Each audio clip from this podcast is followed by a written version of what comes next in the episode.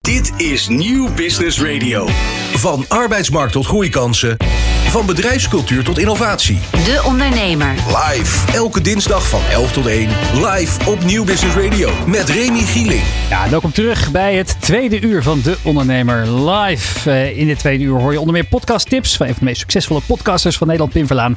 En vertelt expert coaster voor wat je wel en niet moet doen om de podcast over jouw bedrijf te laten slagen. En doen we dat natuurlijk ook met onze co-host vandaag, Nico Oud van het bedrijf Springcast.fm. We hebben nieuwe data dinsdag en natuurlijk ook Nico Dijkshoorn, dus mis dat niet. We gaan beginnen. Elke dinsdag schuiven topondernemers aan voor de lunch.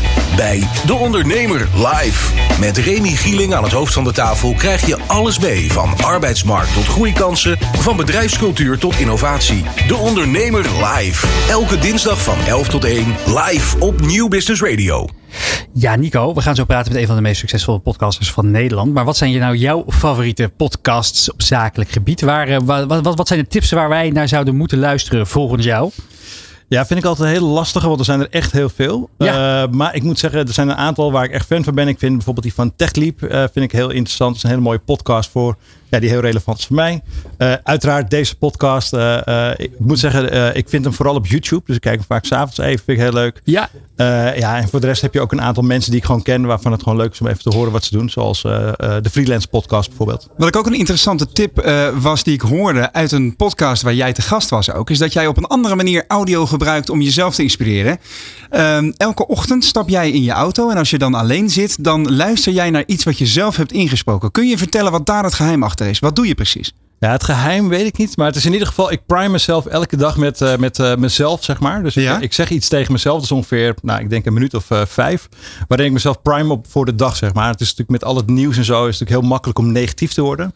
Ik ben van mezelf heel positief, dus ik heb het niet per se nodig. Maar ik vind het heel mooi om mezelf te primen. Dat ik vandaag ga vlammen, dat ik positief ben. En okay. dat ik ook goede vaarden wil zijn. En eigenlijk alles komt erin voor, zeg maar, om te zorgen ik begin mijn dag goed, zeg maar. Dus het is elke vijf minuten van elke autorit. En, waar, en waarom, waarom en waar, doe je dat? Ja, waar, waar, waar, komt het, waar, komt het, idee vandaan? Dit, heb je het zelf bedacht of heb je dit van, weer van een andere tip, eh, tiplijst ergens vandaan getoverd? nou, je hebt natuurlijk uh, de goeroes, zeg maar. Die, zeggen natuurlijk, die noemen het affirmations. Hè, waarbij je dus jezelf primed op voor succes. Ja. Uh, alleen wat mij opviel was dat ze vaak de Amerikaans waren. Of te veel op nou ja, abstracte doelen. En ik wil ze graag persoonlijk maken. Dus het heeft dacht, een beetje een Emil Raterband gevoel, als ik heel eerlijk ben. Precies, Zonder dat precies. ik je natuurlijk ja, ja. tegen de borst wil stoten. Maar het voelt een beetje alsof, ik, uh, alsof je jezelf tegen de borst slaat. Ik kan dit, ik kan dit. Waarom heb je dat nodig? We rollen zo meteen het spijkermatje uit. Wat ja, ja, Roland probeert te vertellen. Ja. Nee, het, het, grappige is gewoon. Het maakt, het is, je creëert bewustzijn bij jezelf. Bij wat je die dag probeert te bereiken. Zeg maar. En of het nou een, een taak is. Of, hè, dus, dus ook wie wil je zijn. Ja? Dus, ja, als je jezelf daar primet. Dan maak je hele andere beslissingen gedurende de dag. He, dus het heeft ook te maken met habitvorming. Mm -hmm. Hoe vaak denken we niet van ik wil graag sporten. Nou, als je elke ochtend tegen jezelf zegt vandaag ga ik weer sporten. Uh, he, dan, dan is dat zaadje geplant en gedurende de dag dan ja, gaat het in je onderbewustzijn door geloof ik. Dus je, je stoft even je prioriteiten af. Ja, exact. Mm. Ja, dat vond ik heel fascinerend. Het was een ja. fascinerend voorbeeld. Heb je goed uh, opgesnord. Maar ja, met, uh, we hebben het over uh, podcast in deze, in deze uitzending van De Ondernemer Live. Met alle slimme software op de markt. Iedereen met een computer zijn voor haar eigen podcast beginnen. Maar ja, hoe zorg je in dat podcastmoeras dat jouw uitzending uiteindelijk een grandioos succes wordt? Mooi. Nou, Pim Verlaan, die begon samen met Milo Brandt in begin 2020 met de Jong Beleggen, de podcast. En 116 uitzendingen later mag zich tot een van de meest populaire van ons land rekenen. Ja, wat de sleutel tot dat succes is en hoe ze dat voor elkaar hebben gekregen, vragen we natuurlijk aan Pim. Pim, goedemiddag. Ja, goedemiddag. Leuk dat je erbij bent vandaag. Eventjes voor de luisteraar die het nog niet kent. Wat is Jong Beleggen, de podcast? Uh, ja, Jong Beleggen, de podcast, is een podcast over beleggen. En dan speciaal bedoeld voor de, de beginnende belegger. Als je dan bij aflevering 1 begint om uh, te leren beleggen. Uh, en op een hele veilige en verantwoorde manier. En daarnaast verweven we eigenlijk de beleggingsreis van mij en die van Milou. Zodat je ook kan leren van de fouten die wij maken. Wat, uh, wat, was de reden dat je het uh, bent begonnen een aantal jaar geleden? En uh, wat, was, wat was het doel voor ogen en is dat doel ook geslaagd? Ja, wij zijn eigenlijk wel wat anders gestart dan de, denk de meeste podcasts. Um, ik heb hiervoor een, een onderneming gehad voordat ik een podcast begon. Dat heb ik verkocht. En daardoor ben ik een tijd op sabbatical gegaan. maandenlang gereisd en ja, je, je hebt wat geld ontvangen, je wilde wat mee, je bent ondernemer. Dus ik, nou, ik moet een gedeelte wegzetten voor pensioen en een gedeelte voor een, een, een nieuw bedrijf. En toen ben ik heel veel boeken gaan lezen over investeren, dus in vastgoed en in beleggen. En uh, toen ik terugkwam uh, van de reis had ik nog steeds uh, een soort van sabbatical. En ik wilde graag ook aan mijn skills werken als ondernemer. Ik dacht ik, nou, ik heb heel veel geblogd in het verleden. Het wordt tijd dat ik ook een keer leer hoe ik een podcast maak of iets met video doen. En uiteindelijk kwam ik op podcast terecht. En zo ben ik eigenlijk wat mensen in mijn netwerk gaan zoeken wie je podcast maakt om het te leren. Toen kwam ik bij Milou uit. En zo zijn we eigenlijk per ongeluk een uh, podcast over beleggen begonnen. Ik hoor verrassend veel uh, parallellen met uh, de reis die Nico heeft afgelegd. Hè? Jij hebt ook een, even een, een, tussenjaar genomen wat uiteindelijk geen jaar werd. Hè? Nee. en um, op welke platform, Pim, ehm, zetten jullie de podcast weg? Ehm, toen de tijd zijn we begonnen op Anchor. Anchor FM volgens mij uit mijn hoofd. en uiteindelijk zitten we nu bij Art19. Via okay. uh, dag en nacht. Precies, en via al die platformen kan je, het weer, kan je de podcast weer vinden via je favoriete podcastplayer. Of dat nou Spotify is, Apple, Google of heel, heel veel niche podcastplayers. Hey, hoeveel uh, luisteraars heeft het inmiddels? En waar denk je dat het succes vandaan komt? Uh, we zitten denk ik nu rond de 250.000 per maand. in de zomer hebben we een klein dipje. En we pieken meestal rond de 300.000, 400.000 meer in de wintermaanden. Eh, rond januari. Ehm, en waar het succes vandaan komt, ja, wij, ja een groot deel de geluk.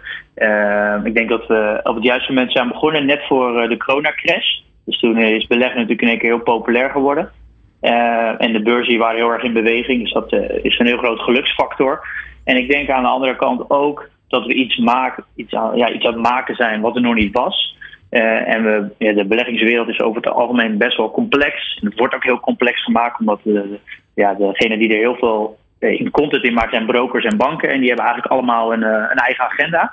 En ik denk dit de eerste podcast is die helemaal agendaloos is. Uh, en het meer, ja, meer, het meer vertellen vanuit een ja, retailbelegger. Van iemand die nog geen verstand heeft en het langzaam meenemen. Die het ook heel erg plat slaat dus ja. Even op het duiden, Nico. Jij bent met Springcast.fm natuurlijk. Volg jij de podcast De Markt op de Voet. We hoorden net al Pim zeggen dat er tussen 250 en 500.000 luisteraars per maand aanschuiven. Virtueel gezien. Dat is voor Nederlandse begrippen een ongekend succes. Ja, is echt bizar hoog. Als ik het vergelijk met wat wij zien, dan, dan zijn dat echt absurd goede cijfers inderdaad. En dat geeft ook wel aan hoe het speelt, zeg maar. Dat hele beleggen, ook met name toen ik coach was, uh, met name voor freelancers zag ik heel veel dat mensen, voor hun is dat vaak de manier om pensioen op te bouwen als je niet afhankelijk wil zijn van een pensioenfonds. Dus mm -hmm. ik, ik kan me voorstellen dat het zo populair is. Uh, ik zie het veel voorbij komen. Maar Pim zegt geluk als factor voor succes. Uh, hoe zie jij dat? Nou, weet ik niet. Kijk, ik denk dat, uh, dat heel veel mensen hebben nog niet uitgevogeld wat je moet doen om een podcast succesvol te maken. Ja, precies. Het, het was natuurlijk makkelijker toen er minder waren. Maar tegelijkertijd waren er toen ook minder luisteraars. Dus ik denk dat je gewoon, als je goede content maakt, ja, dan is het gewoon mond-tot-mond reclame. Dat is toch nog een van de krachtigste marketingkanalen voor een podcast. Mm -hmm, dus het geluk, geluk, zit hem enerzijds in de goede timing. Je bent een van de eerste, dat is altijd goed natuurlijk. Maar uh, hoe zou jij dan buiten die goede content uh, aan jou, uh, aan de mensen die zich bij jou melden, voor andere tips geven om je, je podcast succesvol te krijgen? En, en dan ben ik ook benieuwd wat Pim daarop heeft aan te vullen. Ja, ik, ik, als, ik, als ik mijn takeaway zou moeten weggeven, dan zou ik zeggen: ja, één episode bevat vaak zoveel waardevolle content. Die moet je eigenlijk in allemaal hele kleine stukjes opdelen en blijven promoten. En ook een episode van een jaar geleden moet je gewoon blijven promoten. En wat je heel vaak ziet is dat er een week lang wordt er gepromoot en er is een nieuwe episode. Ja. En dat is echt dood en doodzonde. En eigenlijk moet je gewoon bijna een buffer bouwen met alleen maar kleine en dan heb je het over promoten op social media. Social media, maar ook kleinere podcasts maken van vijf minuten. Die mm -hmm. mensen even kunnen snacken als ze uh, tussen afspraken zitten. Dus nou, echt die content maximaal benutten. Ook in uh, nou ja, de socials. Pim, ik denk dat heel veel uh, mensen die aan een heel, heel vol enthousiasme aan het podcastavontuur beginnen. Maar ook al heel snel tot de conclusie komen van ja, ik ben een beetje uit de onderwerpen die ik misschien zou willen bespreken. je doet het al heel lang. 116 afleveringen zijn er al geweest. Je hebt met een hele kleine tussenpauze bijna iedere week ben je uh, aan het podcasten geslagen. Dat vraagt veel uh, discipline, denk ik. Uh, maar hoe zorg je ja. ervoor dat, dat, dat de onderwerpen vers en uitdagend blijven, ook voor jezelf als maker? Ja, ik, ja ik, voordat ik daarop antwoord, ik wil nog even terugkomen op je vorige vraag die je net had gesteld. Uh, wij doen namelijk helemaal niks van dat alles. Eigenlijk kleine snippets maken, verspreiden via social media. Eigenlijk uh, ook geen video. Eigenlijk alles wat, wat net omschreven is, doen we eigenlijk allemaal niet. En ik doe dat eigenlijk heel erg bewust niet. Dat ik juist wil dat mensen altijd het volledige aflevering consumeren. En een ander ding is dat wij heel bewust een serie maken. Dus dat je altijd bij aflevering 1 moet beginnen en dat het losse afleveringen zijn. En wat mij wel heel erg heeft geholpen in het begin om om te groeien is, ik ben heel erg fan van Gary Vaynerchuk en dan vooral het boek Jab Jab Bright Book. Ja, is dat je heel erg veel moet geven, geven, geven en dan mag je een keer vragen. En wat op het begin heel veel gebeurde, is dat ik me heel erg openstel aan iedereen die, die, mij kon, die kon mij benaderen. En ik kreeg denk ik wel 50 vragen per dag. En ik zorgde dat ik elke dag alle vragen beantwoordde voordat ik naar bed ging. En uh, daar had ik altijd onderaan de mail of onderaan het berichtje had ik altijd gezegd: het zou me heel erg, uh, het zou me heel erg helpen als je de aflevering of de podcast doorstuurt naar vrienden of een review achter te laten bij Apple. En dat heeft er eigenlijk voor gezorgd dat ik heel snel in de top 10 van de Apple Podcast kwam. En daar uh, ja, iets van 52 weken heb ingestaan. En dat is dus ook de mond-tot-mond reclame die Nico net zegt. Ja, ja, klinkt. Ja, en dat is voor mij eigenlijk, uh, ja, denk ik, dat heeft extra gezorgd voor, uh, voor een versnelling in groei. En het is een beetje de, ja, doe de, schaal, doe de niet schaalbare dingen. Dat werkt vaak het beste met podcasts, omdat vergelijken met de video en foto's, dus YouTube en Instagram, is podcast eigenlijk nog niet echt gepakt door het algoritme. Dus je zal toch op bepaalde manier zelf de, uh, de groei moeten gaan aansturen. Ja, wat uh, voor veel mensen zich ook misschien zullen afvragen van hoe ga ik uiteindelijk mijn podcast dan monetizen? Hoe ga ik hier geld aan verdienen? Nou, advertenties zou natuurlijk een logisch gevolg kunnen zijn, maar dat wil je misschien ook niet om die onafhankelijkheid te bewaren. Je hebt heel mooi iets gevonden wat in het verlengde zit van, de, van, van je podcast, namelijk een softwareproduct bouwen, uh, de zogeheten Portfolio Dividend Tracker. Uh, heb je dat ook gedaan vanuit die gedachte van ik kan inderdaad met mijn bereik wat ik nu heb ook iets heel moois gaan maken, wat zowel businesswaarde oplevert, maar ook echt waarde voor mijn luisteraars? Ja, nou dat klopt wel. Je, zit natuurlijk bij zo'n punt van ja, ik wil het wel fulltime doen, want dan gaat ook het niveau omhoog. En ik hou het natuurlijk ook niet vol als ik, het, als ik altijd twee jobs naast elkaar doe. En dan zie je toch wel op een punt, ja, wil ik dan fulltime podcastmaker zijn? Dus wil ik fulltime betaald worden daarvoor? Of wil ik eigenlijk zelf mijn grootste adverteerder in mijn podcast worden? Uh, je krijgt natuurlijk heel veel aanvragen, in ieder geval ik, van heel veel verschillende brokers en banken. En ja, die willen dus allemaal hun product promoten. En ik voelde me daar niet zo comfortabel bij, omdat ik heel graag onafhankelijk wilde blijven. Uh, en toen heb ik eigenlijk maar de podcast ingestoken als... ik heb al een marketingkanaal, ik heb al een plek waar ik heel veel mensen kan bereiken. Nu moet ik alleen nog een product bedenken die ik aan diezelfde doelgroep uh, kan verkopen. Uh, ja, toen was eigenlijk heel snel uh, 1 plus 1 is 2, omdat ik uit de softwarewereld kom, dat ik iets met software moest doen. En zo is dat eigenlijk een beetje in gang gegaan. En dat heel erg in kleine stapjes gevalideerd door wat pitches te doen in de podcast en mensen te vragen of ze hier behoefte aan hebben. Soort van mini-crowdfunding. En dat het liep eigenlijk zo goed dat ik dacht, nou, nu heb ik genoeg gevalideerd om het product ook echt te gaan bouwen. Nou, ik ben in ieder geval fan van de podcast, ook van de Portfolio Dividend Tracker. Dus wil je inderdaad weten wat Pim allemaal doet en uh, hoe de Portfolio Dividend Tracker misschien jou kan helpen om betere, beter overwogen keuzes te maken op je portfolio van, uh, van, uh, van aandelen en obligaties. En misschien ook van de cryptomarkten. Kijk dan even op portfoliodividendtracker.com. En uh, ja, luister natuurlijk Jong Beleggen, de podcast op je favoriete podcastplatform. Heb je daar ook weer aandelen in, Remy? Of, ik heb hier, nee, had ik dat maar. Had ja. ik dat maar. Dat, daar ga ik Pim ooit nog proberen over te overtuigen. Gielingspromotiepraatje. Pim, in ieder geval hartstikke bedankt voor je verhaal hier vandaag. Heel goed. In het kader van transparantie. Van arbeidsmarkt tot groeikansen. Van bedrijfscultuur tot innovatie. De Ondernemer. Live. Elke dinsdag van 11 tot 1. Live op Nieuw Business Radio. Ja, nou, en dit wordt weer een onderwerp voor Roland Tamer. Want kunst heb je aan de Over muur. Kunst, ja. Nou ja, precies. Want kunst heb je aan de muur, maar ook weer uh, meer en meer in de digitale wereld. Middels zogeheten NFT's en de online marktplaats. Authentic wil digitale kunst eenvoudiger verhandelbaar maken. In de studio's oprichter Wouter Kloosterman. Wouter, goedemiddag. Ja, dankjewel. Leuk om hier te zijn. Ja, goed dat je er bent. Uh, zou je het concept NFT's nog even kunnen uitleggen voor de uh, niet-tech-savvy luisteraar? Ja, ja, ja, dus heel simpel gezegd kan je met een NFT eigendom toekennen aan een digitaal item. Dus eigenlijk een klein stukje code wat op de blockchain wordt vastgelegd. En daardoor kun je dus herkennen wie bijvoorbeeld de eigenaar is van een foto of van een uh, video. Een non-fungible token. Precies, dus. precies. Uh, wat, uh, wat, uh, wat, beschrijf eventjes de markt. Want er is, er is veel gebeurd de afgelopen, nou zeker zeg anderhalf jaar ja. rondom deze zogeheten NFT's. Je, sommige mensen zouden het misschien kunnen kennen van, van, van die gekke plaatjes die dan van, van, van, van de apen, van, die, van apen, apen ja. die voor miljoenen verhandeld worden. Exact. Maar ik neem aan dat de markt breder is dan alleen maar ja. dat, spe dat, speelveld. Nou, daar proberen wij dus ook eigenlijk heel ver vandaan te blijven. Dus dat is wel voor het eerst hoe ik NFT's zag. Dus begin januari 2021 zag ik voor het eerst de CryptoPunks. En toen ben ik me een beetje gaan inlezen, verschillende platformen uit gaan proberen. Zoals OpenSea bijvoorbeeld en Wearable. En na verloop van tijd toen dacht ik, uh, ja, het bestaat eigenlijk niet in Nederland. Maar ik wil eigenlijk een platform wat meer op toegankelijkheid gericht is. Mm -hmm. Maar ook op kwaliteit. Dus toen ben ik uh, ja, Altic.io gestart. En dat is een uh, gecureerde marktplaats voor digitale kunst. Dus mensen zeggen vaak, ja, je hebt een platform voor NFT's, maar ik noem het liever een platform voor digitale kunst. Want de NFT is slechts de techniek om eigendom toe te kennen aan een digitaal item. Ik ben nog even benieuwd. Je zegt ik wilde er ver weg blijven bij de, de board apes van deze wereld. Hè? Waarom was dat dan? Waarom Nou ja, voel je daar omdat- niet zo lang bij? Ja, omdat toch veel mensen het zien als een scam en eh, mensen betalen er belachelijke bedragen voor. Ja. En wij zitten dan toch wel echt meer op de, op de high-end kunst gefocust. Dus we hebben ook curatoren. Die kijken bijvoorbeeld naar iemands track record, naar de culturele relevantie, eh, naar de kwaliteit van een kunstwerk. En op basis daarvan komt iemand op ons platform terecht. Ja. Maar we zagen ook wel op een gegeven moment moesten we best wel een grote groep hierdoor uitsluiten. En we zagen ook dat bijvoorbeeld galleries, met name contemporary art, die willen eigenlijk allemaal beginnen met het verkopen van digitale kunst. Maar vaak is het te lastig voor ze. En daarom hebben we ook besloten om onze software nu te verkopen. Dus we zijn nu sinds eh, een maand geleden zijn we Altic Suite gestart. En dat is eigenlijk een eh, B2B solution. eh, zodat bijvoorbeeld een gallery heel makkelijk een eigen marktplaats kan integreren op een domein. Eh, en dat verkopen we dan als, eh, als SaaS-product. Eh, en dus eigenlijk hebben ze totaal geen technische kennis nodig. Dus Oké, ik ben nu wel even, even verloren in een eh, jargon jungle nu. Want eh, Ja. je verkoopt het als een SaaS-product. Even, ik ben echt in de noob hier aan tafel. Hè? Ja. Ehm, jullie zitten allemaal heel erg in de wereld van, eh, van in- kunstmatige intelligentie en dergelijke. Maar wat heb ik hier nou als investeerder of als ondernemer aan? Wat kan ik met jullie product? Ja, nou ja, het is voornamelijk dus echt voor de kunstliefhebber. Ja. Dus de mensen die geïnteresseerd zijn in hedendaagse kunst, die Ja. kunnen het kopen. Eh, wij proberen ook wel echt de doelgroep te bereiken die nog eh, ja, niet zo technisch is. Dus we leveren bijvoorbeeld ook fiat payments erbij om zoiets te kunnen aanschaffen. Mhm. Maar stel je hebt zoiets van, oké, ik vind het toch gek om kunst te verzamelen op mijn telefoon. Leveren we bijvoorbeeld ook digitale frames erbij, zodat je het in je huis zou kunnen ophangen.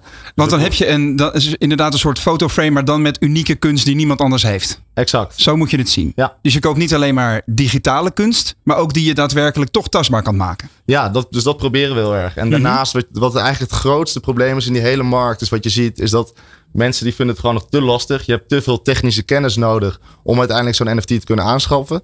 En al die drempels proberen wij weg te nemen. Dus bij ons kan je bijvoorbeeld met, gewoon met fiat betalen, bijvoorbeeld met een creditcard.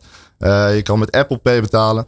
Eh, daarnaast heb je niet alleen meer een crypto wallet nodig, maar kunnen mensen ook gewoon eenvoudig een, eh, een wallet bij een derde partij laten beheren.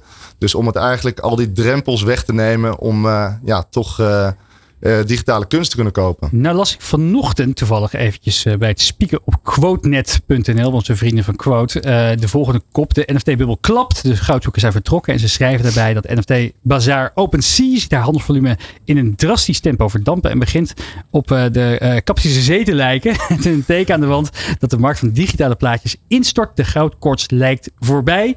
Graag commentaar. Ja, zeker. Ja, ik ben, moet eerlijk zeggen, ik ben blij dat dit gebeurt. Want eh, je zag eigenlijk, als je een jaar geleden kijkt... Je zag alleen maar collecties van eh, tienduizenden plaatjes van de hele dierentuin zag je voorbij komen. ja, de hele de meest vreemde aanpak. Honderdduizenden dollars werden verhandeld. Ongelooflijk. Ja. Exact, exact. En dan vaak werd er iets beloofd, want het was allemaal utility-based. Dus wat inhoudt, op het moment dat je zo'n plaatje koopt, dan krijg je er in real life iets van terug. Ja, dan, kon je, dan kon je ook naar een festival toe. Of Ja, ja. dan mocht je een Ja. keer bij een exclusief restaurant eten. Of eh, noem maar op. Exact, zoals je bijvoorbeeld hebt ook met de Board Ape, dat je naar exclusieve yachtparties kan. Maar 99% van die projecten, die verkochten uiteindelijk en dan viel die hele community weg. Dus het hele idee is of je moet die community in stand houden. Precies. De, Of de, de, je de- moet- de paar oprichters die, eh, die werden, eh Die werden stinkend schaten rijk. het rijk. Ja. En een soort moderne vorm van een piramidespel. Exact. Dus dat was het grote probleem. En ik denk nu blijft echt een mooie digitale kunst over. De kunstenaars die daadwerkelijk ook iets maken met een verhaal. Ja. En daarnaast vallen grote wils, de ja, toch wel scams mag ik denk wel zeggen, die vallen Mhm. nu allemaal weg. Dus die markt moet een beetje volwassen komen. Maar kijk, wat ik me heel goed kan voorstellen, eh, eh, is dat je inderdaad al een- bijvoorbeeld een bekend eh, fotograaf bent en je verkoopt je, je werken al aan bepaalde galerieën. Ik was van de week was ik bij Jimmy Nelson op kantoor. Nou, die heeft natuurlijk ook prachtige foto's vanuit onder meer het, eh, het boek eh, Before, they, eh, Before, they, Before They Pass Away. Nee, Before They Fade Away. Nou, even het bekende boek wat meer dan 350.000 exemplaren heeft verkocht. Ja. Die foto's uit dat boek, die kan je ook kopen voor thuis in de muur voor, nou, zeg tussen de, tussen de 7 en 20.000 euro. En soms nog Natuurlijk. wel hoger. Ik kan heel goed voorstellen dat hij zegt: van, ik wil eigenlijk ook mijn werken als NFT aanbieden. Zodat mensen ook digitaal een eigendomschap daarvan kunnen, kunnen nemen. Ja. Ehm, maar tegelijkertijd zie ik dan ook eventjes, zal ik even op het platform te kijken. Het aanbod is nog beperkt. Eh, met eh 2, 4, 6, 7 werken. Ja, dat klopt. Omdat we dus uh, tijdens de TVAP hebben de eerste NFT-exhibition bij uh, restaurant Beluga gehouden. Ja. En dat was dus deze collectie. En toen uh, hebben we uiteindelijk besloten dat we op 29 september daadwerkelijk live gaan. want we moesten nog een aantal features toevoegen. Zoals bijvoorbeeld een veiling en een, een chain die goed geïmplementeerd moet worden. dus daar hebben we even besloten om uit te stellen. Dus 29 gaan we nu echt live met, okay. met de nieuwe collectie. En dat doen we dan ook in samenwerking met een fysieke gallery. Dat is Rademakers Gallery in Noord. Die ook een, uh, en dat, dat zien we nu heel veel. Al die contemporary art galleries die we spreken. Ze zijn er allemaal wel mee bezig, maar ze weten nog niet hoe ze moeten beginnen. Ik vind uh, Nico opvallend stil in dit gesprek. Ik ben uh, helemaal gefascineerd. Dus ik ben normaal gesproken vind ik het heel leuk om in dit soort dingen ja, te doen. Ja, maar wat voor, wat voor gevoel geeft jou deze business sowieso? Nou, ik snapte er dus helemaal niks van. Hè? Dus ik dacht, wie betaalt er nou voor een plaatje van een aap zoveel geld? En ik ja. snap de jachtfeestjes en zo. Maar uh, toen sprak ik laatst iemand en die vertelde dus dat er een groot schoenenmerk, ik wil ze niet allemaal opnoemen, dus ik weet ook niet welk het was. Uh, hè, maar dat het wordt ook uh, wordt omgezet dat je speciale schoenen kan laten maken, 100% uniek op basis van nou ja, zo'n digital art. En toen dacht ik van, oh, toen zag ik een beetje de toepassing, dus ik begin het langzamerhand te begrijpen. En dus als, was... als je dan eventjes kijkt, de, de, de, de site, voor, de, voor de kijker thuis, heeft misschien op de camera kunnen meespieken. Zou het iets zijn wat je, wat je zelf, waar je zelf zou in willen investeren? En omschrijf het even voor de luisteraar, dat is ook wel leuk. Wat voor kleuren zie je, wat voor bewegingen zie je? Oké, okay, nou laat ik beginnen met degene die me het meest aanspreekt. Dat ja. Zijn volgens mij een paar Volkswagen busjes op elkaar waar een soort van glow overheen gaat. Dat is wel kunst. Ik moet wel zeggen dat ik. Uh, uh, je hebt ook tegenwoordig van die, van die artists die maken van dat kunst. Het lijkt heel erg op een soort van game scene. Ja. Maar het ziet er heel uh, mysterieus uit, zeg maar. En ik moet zeggen dat die kunst, die spreekt me wel aan. Dus ik heb wel eens gekeken van, ja, moet ik zoiets uh, als een soort van wallpaper op mijn, op mijn laptop hebben? Mm -hmm. Dus ik merk wel dat ik langzaam in die kant op ga. Dat ik denk van, nou ja, ik zou er nog geen 10.000 euro naar uitgeven of zo. Maar als ik er bijvoorbeeld voor een tientje, dan zou ik misschien... Nee, deze, deze kost 0,4 Ethereum. Heb je wel uh, een van de vijf. Het is niet helemaal 100% uniek. En 0,4 Ethereum zal ongeveer 1000 euro zijn of zo. Ik denk nu met de huidige marktwaarde iets lager nog. Ja, iets lager. Ja. Kijk, Ronald Tameling. ik schrik schuldbe, even knik schuldbewust inderdaad. Ja, dus, ja. dus dat tientje is wel natuurlijk even als het een digitaal ding is. En ik kan me wel voorstellen als je het echt als een mooi kunstwerk op je kantoor kan hangen of wat dan ook. Dat het, ja. dat het een hele andere waardeperceptie hebt. Dus ik, ik, geloof, ik geloof er steeds meer in. Dus dat is wel positief. Ja, wat, wat, ik, wat ik ook goed kan begrijpen is dat er heel veel traditionele galeries zijn. Galerie, kunstgalerieën die, uh, die inderdaad ook graag die markt van de NFT's zouden willen omarmen. Maar niet die software in handen hebben om het aan te bieden. Dus ik heb heel goed die softwarecomponent. Als je nou eentje moest gaan kiezen, waar, waar zou je jezelf één businessmodel al je geld moeten zetten. Is het dan die SaaS softwarekant voor de galerieën? Of is het die aggregator van alle kunst, die marktplaats die ik nu voor me heb?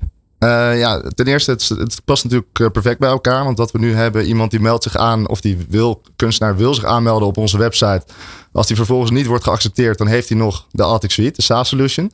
Maar waar echt het geld natuurlijk in zit, is de white label. Dus uh, dat merken we nu ook. We zijn nu een maand geleden gestart en we hebben nu de eerste 10 klanten die goed zijn voor 40k en uh, recurring revenue per jaar. Dus uh, ja, dat gaat erg goed. En ons doel is ook nu om ja, hard te gaan groeien. Dus daar zijn we nu mee bezig. En we zijn nu ja, net begonnen aan de tweede funding round. Dus ja. Nou, heel erg goed bezig, Wouter Kloosterman, om met je bedrijf Athic, het, ja, de kunst anno 2022 naar het volgende moderne niveau te brengen. Heel veel succes met, met de business. Ja, hartstikke bedankt. De Ondernemer. De Ondernemer live. Op Nieuw Business Radio. Ja, in deze uitzending van De Ondernemer live praten we onder meer met co-host Nico Oud, oprichter van het podcast hosting platform Springcast. Het gaat dus over uh, ja, podcast en hoe je die kan inzetten om je zakelijke doelen te behalen. Een podcast heb je in vele vormen en maten, maar ja, hoe, ja welke, welke vormen moet je inzetten? Uh, die passen ook bij jouw organisatie. Koos de Voorne van Microphone Media is zakelijk podcast expert en hij hangt aan de lijn. Koos, goedemiddag. Hey Remy, goedemiddag. Hi. Hey, even uh, voor de luisteraar die jullie niet kennen. Wat doet Microphone, Microphone Media? Microphone Media is een uh, podcastbureau. Uh, en dat betekent eigenlijk dat we in opdracht van bedrijven podcasts maken. en dat zijn podcasts eigenlijk in alle vormen en, en maten. voornamelijk met, met een commerciële doelstelling uiteraard. Doel voor bedrijven als bol.com, Nationale Nederlanden. Maar ook voor overheden als justitie en veiligheid. Maar ook voor voor kleinere partijen. Um, en ja, vaak storytelling. Dus echt op een verhalen manier podcast maken. Of juist uh, heel journalistiek. En dat heeft ook met onze achtergrond te maken. Want wij zijn allemaal of oud-journalisten of nog steeds in de journalistiek werkzaam. Ja, want uh, er zijn heel veel bedrijven die zich bezighouden met het produceren van podcasts. Uh, dat is ook een beetje de vraag aan jou. Hoe onderscheiden jullie je op dat concurrerende speelveld? Ja, er zijn inderdaad steeds meer partijen die, die podcasts maken. kleine en, en grote bedrijven. Uh, en wat wij proberen te doen is uh, toch voornamelijk echt verhalen te vertellen voor bedrijven. En die gaan dan vaak niet over die bedrijven zelf. we zijn er toch wel echt van overtuigd dat uh, ja, 20 minuten of 30 minuten in audio een reclame over jezelf maken, dat dat niet aansluit bij de luisteraars. Nee. De, audio, de, de audiovisuele wij van WC Eend reclame, maar dan in longform uh, format. Ja, precies. Ja, ja, daar zit eigenlijk uh, niemand op te wachten. Waar mensen wel op zitten te wachten zijn gewoon goede verhalen. Dus ze proberen altijd een stap opzij te zetten. Wat is nou daadwerkelijk het interessegebied van de doelgroep? Uh, en, en waar willen zij naar luisteren? Ik kan wel een klein uh, voorbeeldje geven van een serie die we net hebben gelanceerd. Dat is voor uh, eh, IMC, dat is een, een, broker op de Zuidas. Nou, een vrij ja, financieel bedrijf met allemaal programmeurs en financieel analisten. Ja, zijn echt een beetje, een beetje nerds. En zij willen voor employer branding, hè, voor het aantrekken van meer sollicitanten, willen zij een podcast maken. En dus hebben we een podcast gemaakt over strategische spelletjes. Dus helemaal niet over hoe die baan eruit ziet bij IMC, ehm, maar meer over het interessegebied van mensen die het interessant zou kunnen vinden om daar te werken. En dan hebben we het over eh, diplomacy of over sportsbetting, ultimate frisbee, dat soort strategische spelletjes waar vaak de mensen die daar werken in hun vrije tijd mee bezig zijn. En het heeft er ook wel een beetje raakvlakken met het werk bij bij IMC, wat vrij analytisch natuurlijk. En zo proberen dus een doelgroep aan te uh, boren via een podcast die dan uiteindelijk misschien wel gaat solliciteren bij uh, het bedrijf IMC. Grappig genoeg uh, las ik net op uh, QuoteNet dat uh, ook beurshandelaar IMC geld terug wil van uh, Siewert van Liende en consorten. Dat, dat is even besides the point, maar wel een mooi bruggetje met deze, deze ja, casus. Dat, dat is nog, nog, nog veel betere reclame natuurlijk. Dat is nog veel betere reclame, ja. Nog meer, nog meer views. Nico, jij zit natuurlijk helemaal met, in de zakelijke podcast met de Springcast. Jullie doen veel hosting voor podcast buiten de deur, die je gewoon kan vinden op Spotify. Maar ook podcast die achter een, achter een slotje staan, die vooral worden gebruikt binnen organisaties. Wat ik opvalt is dat heel veel podcasts zijn gewoon twee uh, uh, boze witte mannen die met elkaar aan het praten zijn. Voor een uh, hele lange, la, lange periode. Waar Koos dus mee probeert te onderscheiden is om er echt een verhaal van te maken. Om, echt een aankleding met een verhaallijn, met meerdere sprekers, meerdere experts erin voor te brengen. Vraagt ook heel veel, um, vraagt meer productiewerk. Maar je kan je er wel mee onderscheiden. Hoe kijk jij hier naar? Ja, ik, ik denk dat. Uh, hey Koos trouwens, uh, wij kennen elkaar ook. Dus, uh, even... nee, nee. nee, ja, zeker. Ik ben het er helemaal mee eens. Wat je, wat je ziet is dat interviews doen het heel goed, maar zeker ook producties. En ik denk dat het een, een, een wat hogere drempel is om mee te starten. Maar dat er echt heel veel mooie cases zijn waar je echt gewoon ziet dat de kwaliteit ervan afspat. Dus het is absoluut een, een, een format wat heel goed aanslaat, ook bij je publiek over het algemeen. Hey, en Koos, dan heb je eenmaal een podcast gemaakt. Heb je heel veel tijd en moeite en energie ingestoken. En dan kom je inderdaad in die, in die vergaarbak van Spotify met we hoorden vanmiddag meer dan 5 miljoen podcasts. Hoe zorg je dan als bedrijf dat er ook luisteraars komen? Want heel veel mensen, ja, die beginnen ermee en denken, ja, waar blijven die luisteraars? Maar eigenlijk, je hebt die podcast gemaakt en dan begint het pas. Ja, ja, dat klopt helemaal. Ja, je besteedt heel veel tijd aan. Je steekt als bedrijf natuurlijk ontzettend veel geld in. Um, en ik moet, ik moet zeggen, of vier, vijf geleden, als je als bedrijf een podcast bracht, dan was de kans uh, best aanzienlijk dat je op een organische wijze best wel hoog in de lijstjes uh, kwam, omdat er gewoon niet zoveel podcasts waren.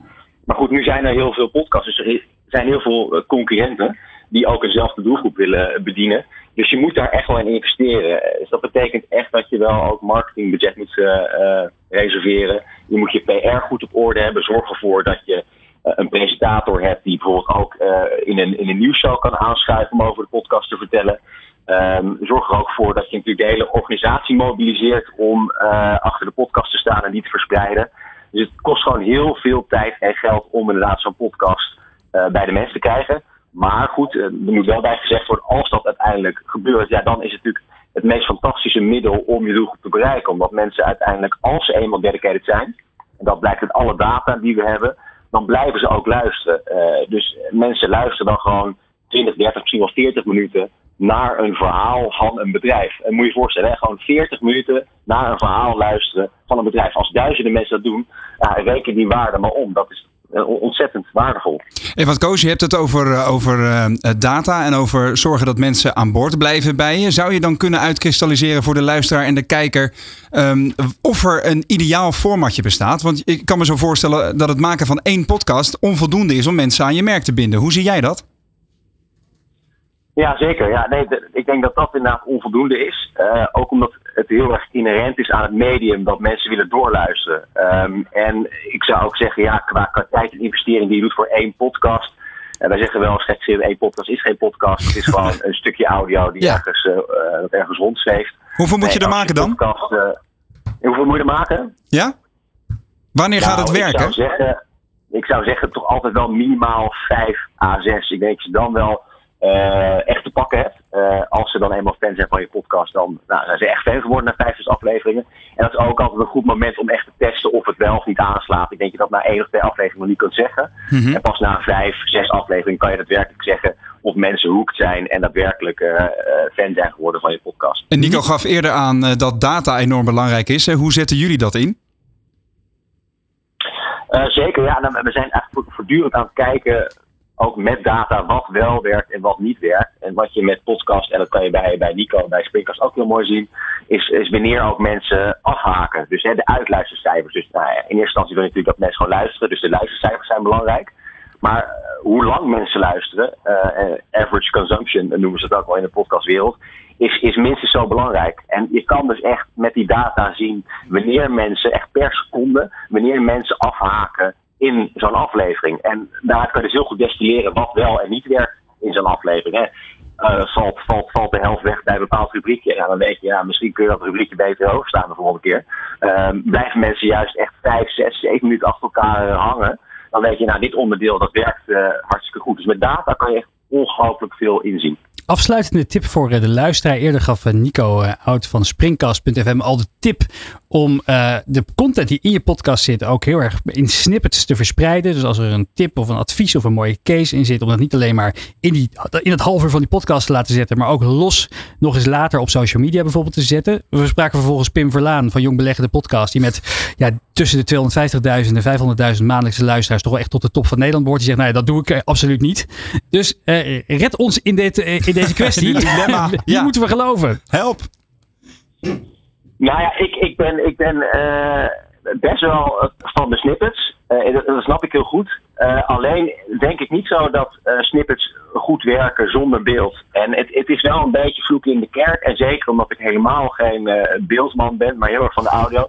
Maar je komt, ontkomt in de promotie gewoon niet aan eh, video. In welke vorm dan ook. Of je doet snippets uit de aflevering en je verspreidt op social media. Of je doet wat wij heel vaak doen, is promo-video's maken. Dus je laat hè, ook bij de opnames op locatie of in de studio, laat je een camera meegaan om een vette video te maken, om uiteindelijk toch mensen naar de podcast te trekken. Want wat ervaring leert, en dat is dus onze ervaring, die kan natuurlijk ook eh, elders anders zijn, is dat als mensen eh, een plat stukje tekst zien of alleen maar zo'n audiogram, hè, dus een stukje audio met een, met, een, met, een, visual erbij, dat mensen minder snel geneigd zijn om werk ook naar de po- podcast te gaan.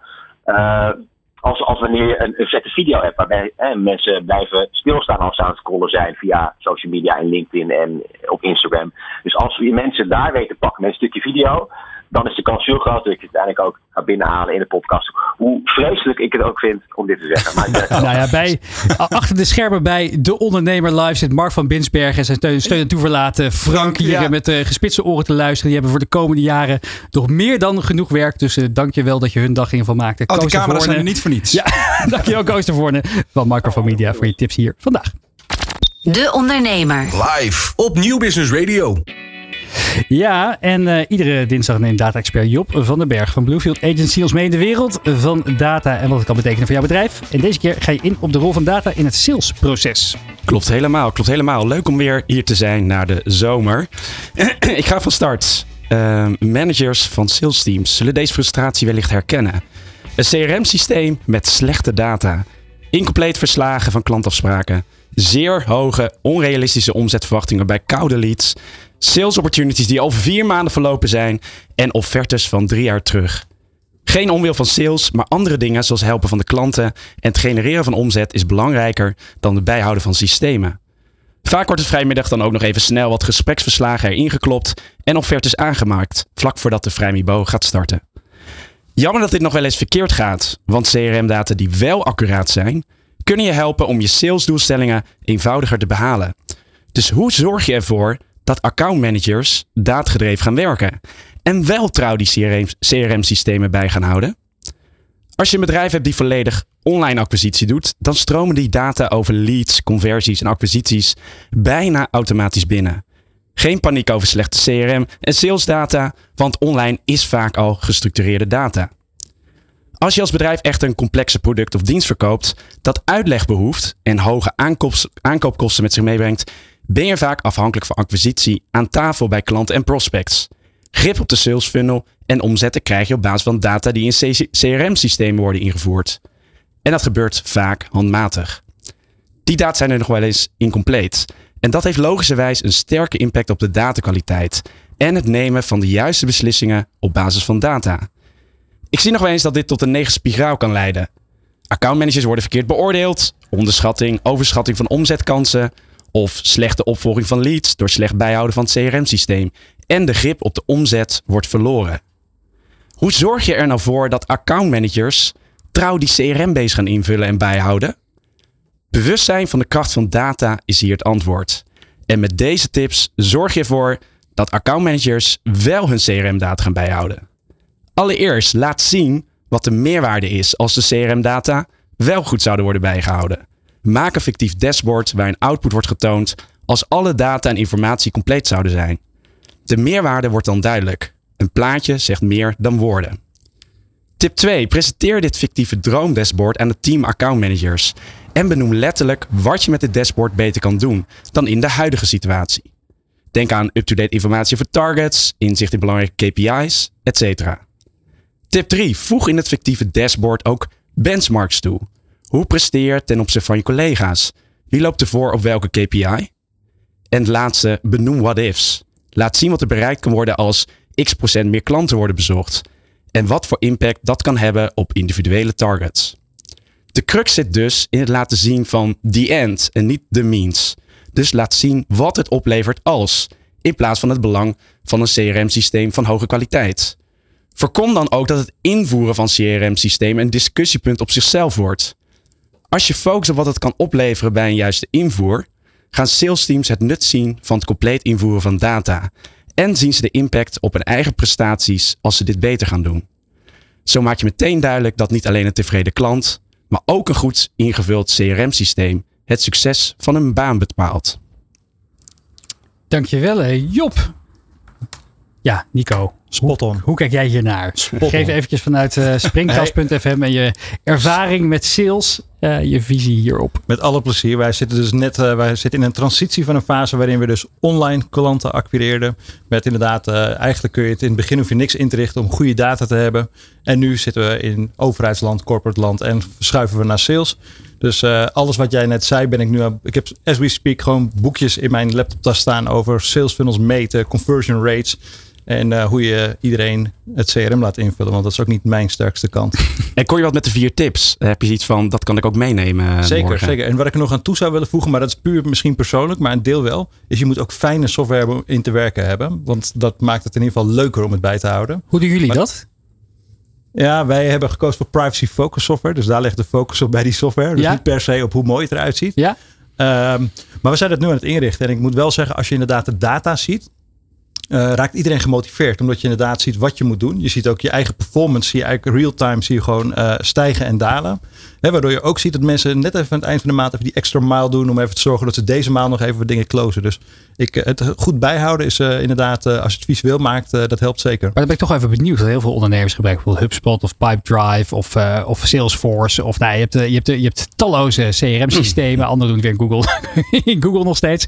Welke, welke gebruiken jullie? Wat is Wij gebruiken de hele Soho-suite. Dus Soho. Een, eh, Soho. En ik moet zeggen, het begint steeds beter te worden. Dus eh, vroeger was het een copycat. En inmiddels hebben ze ook eigen goede technologie. En het wordt ook steeds leuker om te gebruiken. Dus, eh, En wat was dan voor jou de reden om daarvoor te kiezen? En niet, niet in dat, die, die, dat, dat scala aan andere oplossingen die er ook eh, te vinden zijn. Ja, nou, al die tools die je net noemde, dat, eh, daar ben ik echt fan van. Dus eh, hier hebben we vooral gekozen vanuit privacy perspectief. En, eh, en, eh, en nu zien we eigenlijk dat het best wel een krachtige suite is. Dus eh, we zijn er nu heel blij mee. Job, wat is jouw advies daarin? Eigenlijk zie ik vaak dat het best wel dure systemen worden aangeschaft. Maar dat het dan inderdaad beperkt wordt gebruikt. Of inderdaad die slechte data terugkomen. Dus mijn advies is in, denk eerst na van wat wil je eruit halen. Misschien maak eerst even zo'n fictief dashboard. En ga dan nadenken over de tooling die daarbij past. In plaats van andersom. Want vaak wordt er best wel veel eerst geïnvesteerd. En dan pas nagedacht. Waardoor je een heel mooi systeem hebt met die slechte kwaliteit data. En dat is denk ik... eh, eh, eh, zonde. Dus bepaal daar je keuze op. Wat ik me ook kan voorstellen is dat er ondernemers luisteren die denken... ehm, hoe vaak moet ik dit nou gebruiken? En hoe vaak moet ik dit nou communiceren naar mijn team? Want ga je elke dag sturen op data? Ik noem maar iets, uh, elke dag je stappen tellen, om maar eens wat te noemen. En dat kun je toch kopiëren naar je zakelijke doelen. Um, wat zijn jullie advies op dat vlak?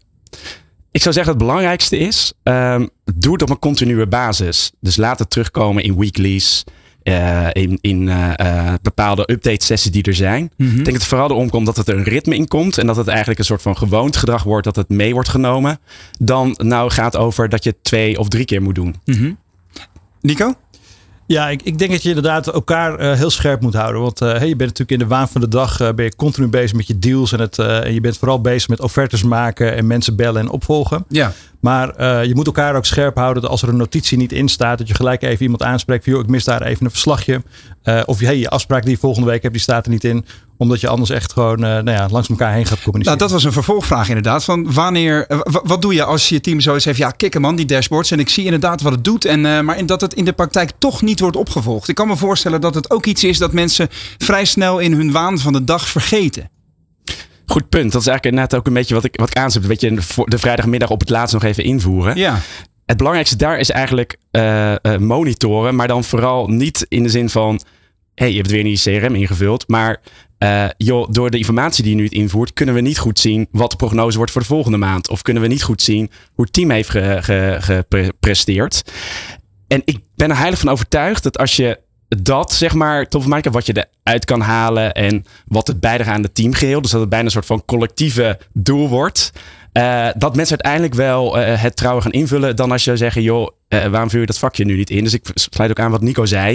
Je moet een bepaalde team spirit in hebben. Dat je daar elkaar ook op wijst. Maar ook laat zien wat het dan uiteindelijk oplevert. Want anders wordt het alleen maar een administratieve uh, klus, wat zonde zou zijn. Ja. Volgende week is er weer een nieuwe Data Dinsdag. Weet je al waar je het dan over gaat hebben, Job? Nog, nog niet. Dus als data, er tips zijn, ik. ik. denk over data inderdaad. um, um, mochten mensen specifieke vragen hebben, stuur ja, exact. natuurlijk vooral in. Laat zeker weten. Uh, stuur even een mailtje naar redactie.deondernemer.nl en misschien wordt de vraag volgende week beantwoord door Job van den Berg van Bluefield Agency. Dank voor je column hier vandaag. Van arbeidsmarkt tot groeikansen.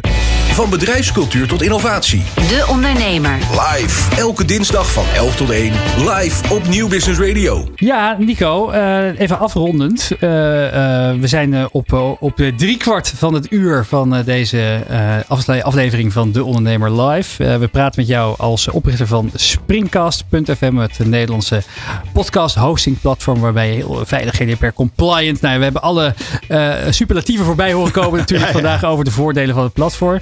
Eventjes uh, uh, nog even over, over, over je ambities. Waar liggen die? En uh, liggen die binnen de landsgrenzen, liggen die buiten de landsgrenzen? Hoe wil je daar naartoe gaan werken? Ja, onze ambitie is echt Europees. Dus we hebben al eerste stapjes gezet buiten Nederland. We hebben inmiddels in 24 landen hebben we klanten. Al moeten we wel zeggen, het is een vrij dunne schil, want overal een paar. Maar onze ambitie is zeker om marktleider in Europa te worden als het gaat om zakelijk podcasten.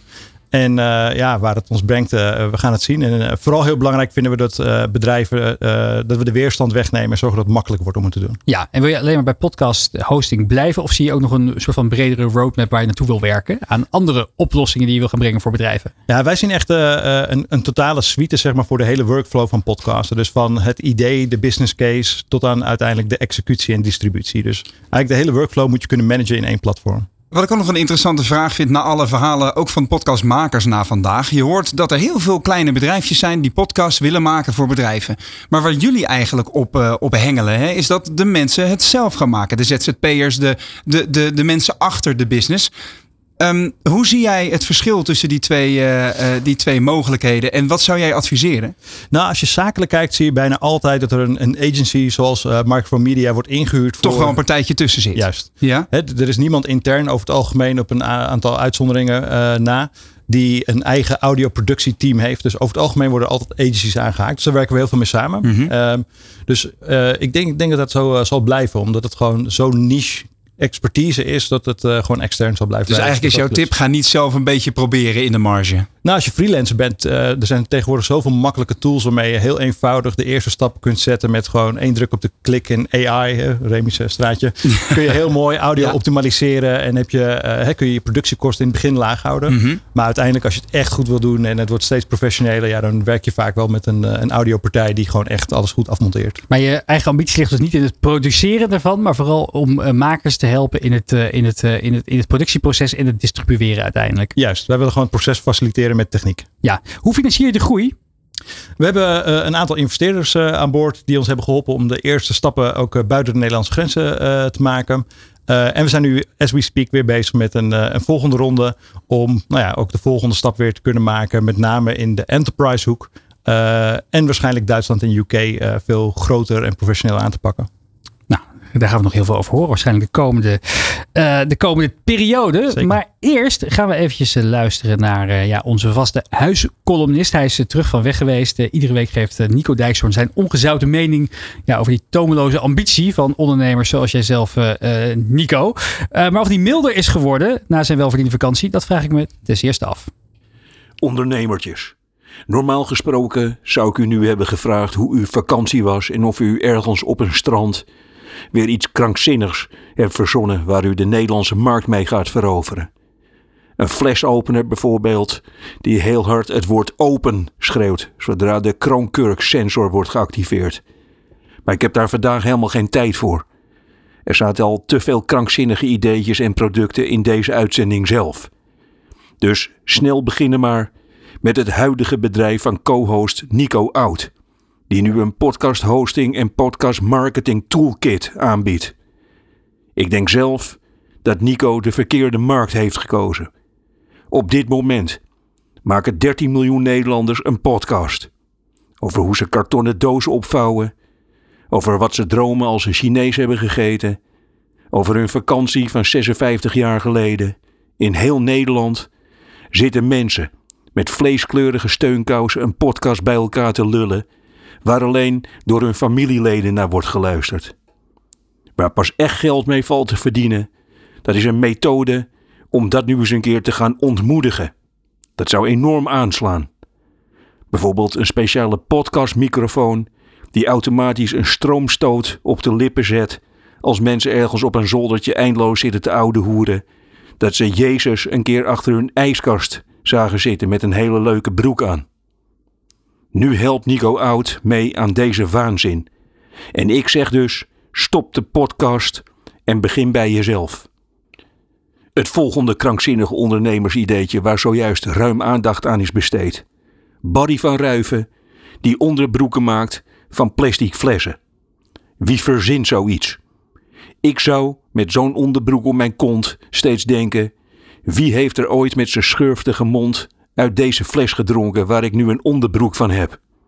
Ik vind de naam van het bedrijf ook een beetje ongelukkig gekozen. Sea Bass.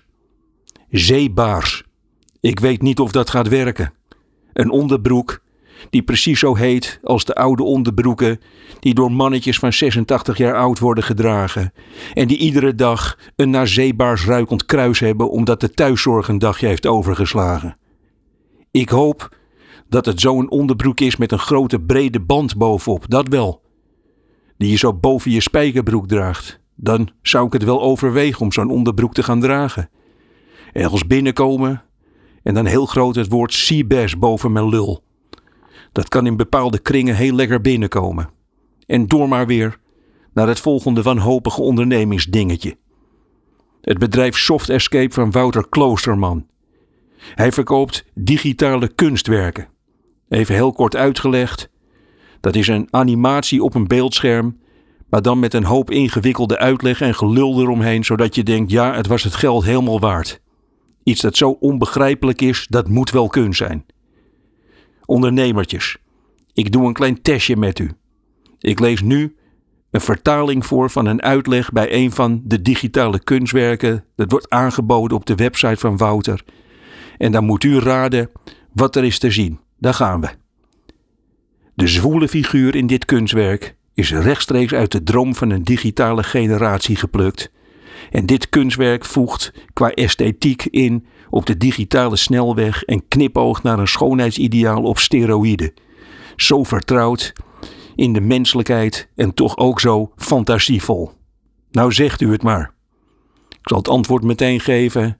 Het is een ronddraaiende kop van een groenkleurig meisje met botoxwangen dan de glastuinbouw. Ik zat een week geleden toevallig met het hoofdglastuinbouw bij Op 1 en het was het bekende verhaal en ook de bekende tactiek. Hij zag zichzelf als onmisbaar. Hij vroeg of we dat dan wilden. Geen paprika's en tomaten uit Nederland op ons bord. En ik dacht alleen maar: ja, dat wil ik. Die waterige shit, die ze hier in Nederland onder glas verbouwen, dat is qua smaak allemaal het achterlijke broertje van de buitenlandse paprika en tomaat. Nederlandse tomaten smaken zoals de met waterflessen gemaakte onderbroeken van Seabass ruiken. Wie in de buurt van een kas woont, heeft eigenlijk zijn bed altijd midden op de afdeling verlichting van IKEA staan, nooit donker. Dan het product smeerkees. Een zonnebrandcrème die wordt verkocht op terrassen. Al hangen de rode verbrande vellen over mijn kop. En al valt mijn rode huid vanzelf van mijn voorhoofd. Nooit, nee nooit, zal ik op een terras een biertje en een potje smeerkees gaan bestellen. Ik vind dat wij voortaan ook in dit programma ondernemers die een slechte naam hebben verzonnen keihard de studio uit moeten gooien. Hopla, wegwezen. Eerst een goede naam verzinnen en dan mogen we heel misschien weer eens een keer terugkomen. Iemand die een nieuw soort bakboter verkoopt en dat dan verkoopt als vette shit, wegwezen. Hopla, in zijn zeebaarsonderbroek de studio uit Bonjour. Dit is De Ondernemer live op Nieuw Business Radio. Nou jongens, uh, hij is niet heel veel milder Ik wilde geworden, zeggen, hè? het antwoord is nee. Nee, nee. dat belooft wat voor de, komende, voor de komende maanden. Ik ben benieuwd. Wat denk jij, eh, Roland?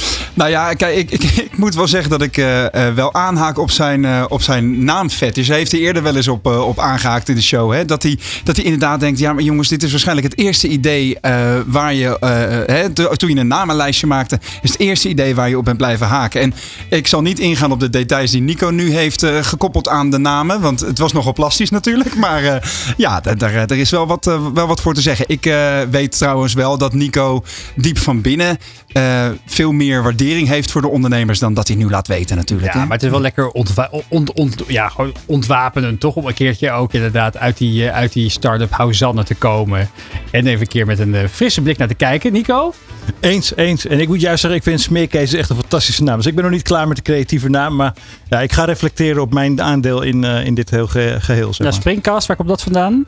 Ja, van spring is het, eh, associeer ik met positief en groei. En, eh, dus daar komt het Lente, vandaan. lente, Lente, Springkast. precies. Ik Ik denk een beetje denken aan dat ding wat je in de gymzaal had vroeger. Weet je, waar je overheen moest. Eh, spring- eh, Ja. je ik dacht ook dat het een springplank was om je podcast wereldwijd uit te laten rollen, bijvoorbeeld. Daar, zo, die klank heeft het ook Ja, je een kunt er heel veel mee doen met die naam. Maar hij Ja. komt oorspronkelijk vanuit de lente, de positiviteit die er rondom de lente is. Ik Optimisme. hoor Vivaldi al op de achtergrond. Zo Hij is heeft, dat. eh, hij heeft geval wel inderdaad een internationale allure. Ik denk dat smeerkaas daar, of keer smeerkees, hoe hebben ze het genoemd, eh, daar wat meer moeite bij gaan hebben. Als ze uiteindelijk eh, de stap naar eh, Duitsland of, of verderop willen gaan zoeken. Maar vrij, vrij kritisch puntje van je naamgenoot Nico Dijkshoorn. Die zei dat er wel echt een wildgroei is aan podcasts waar we wellicht wel kritischer op moeten kijken.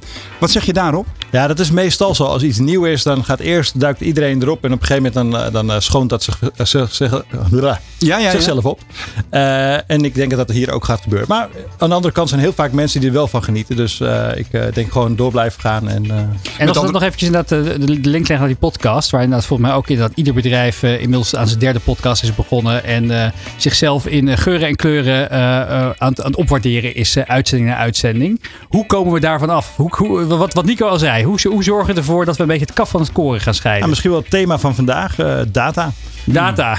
De data zal het vertellen. Onder, eh, onder de 100 eh, luisteraars per aflevering wordt hij gewoon automatisch van een springkast eh, geschopt. Zullen we dat doen? We nemen het in overweging.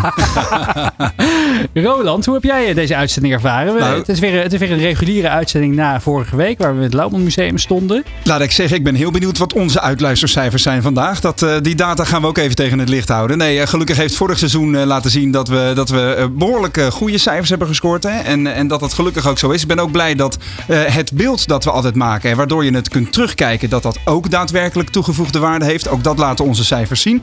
Dus kijk vooral de, de diverse elementen terug. En ja, wat ik, wat ik zo lekker vind aan deze show, ik ben ook benieuwd hoe Nico dat ziet, dat er toch heel veel frisse ideeën zijn. Ondanks dat sommige iets verder gezocht zijn dan je, dan je wellicht denkt. Maar bijvoorbeeld die smeercase, dat, dat heb ik zelf afgelopen zomer ook ervaren. En ik werd dus uitgelachen op het, eh, op het terras dat ik vroeg aan de serveerster, hebben jullie zonnebrand? Ik was het zelf vergeten. Ik, eh, mijn voorhoofd begon naar bacon te ruiken.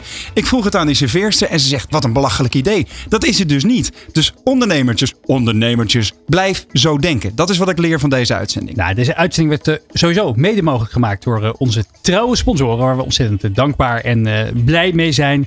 Dat zijn MKB Brandstof, Bluefield Agency en de Radiofabriek. Ik kijk ook eventjes naar- onze ja, steun en toeverlaten achter de knoppen. Daan, dankjewel dat we hier weer konden zijn. Niet gek te krijgen. Twee uur in ieder geval op het technisch vlak door deze uitzending hebben heen gesleept.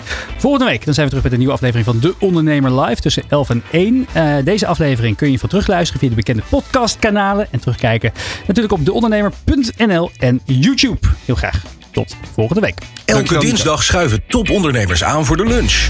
Bij De Ondernemer live. Met Remy Gieling aan het hoofd van de tafel krijg je alles mee. Van arbeidsmarkt tot groeikansen, van bedrijfscultuur tot innovatie. De Ondernemer live. Elke dinsdag van 11 tot 1 live op Nieuw Business Radio.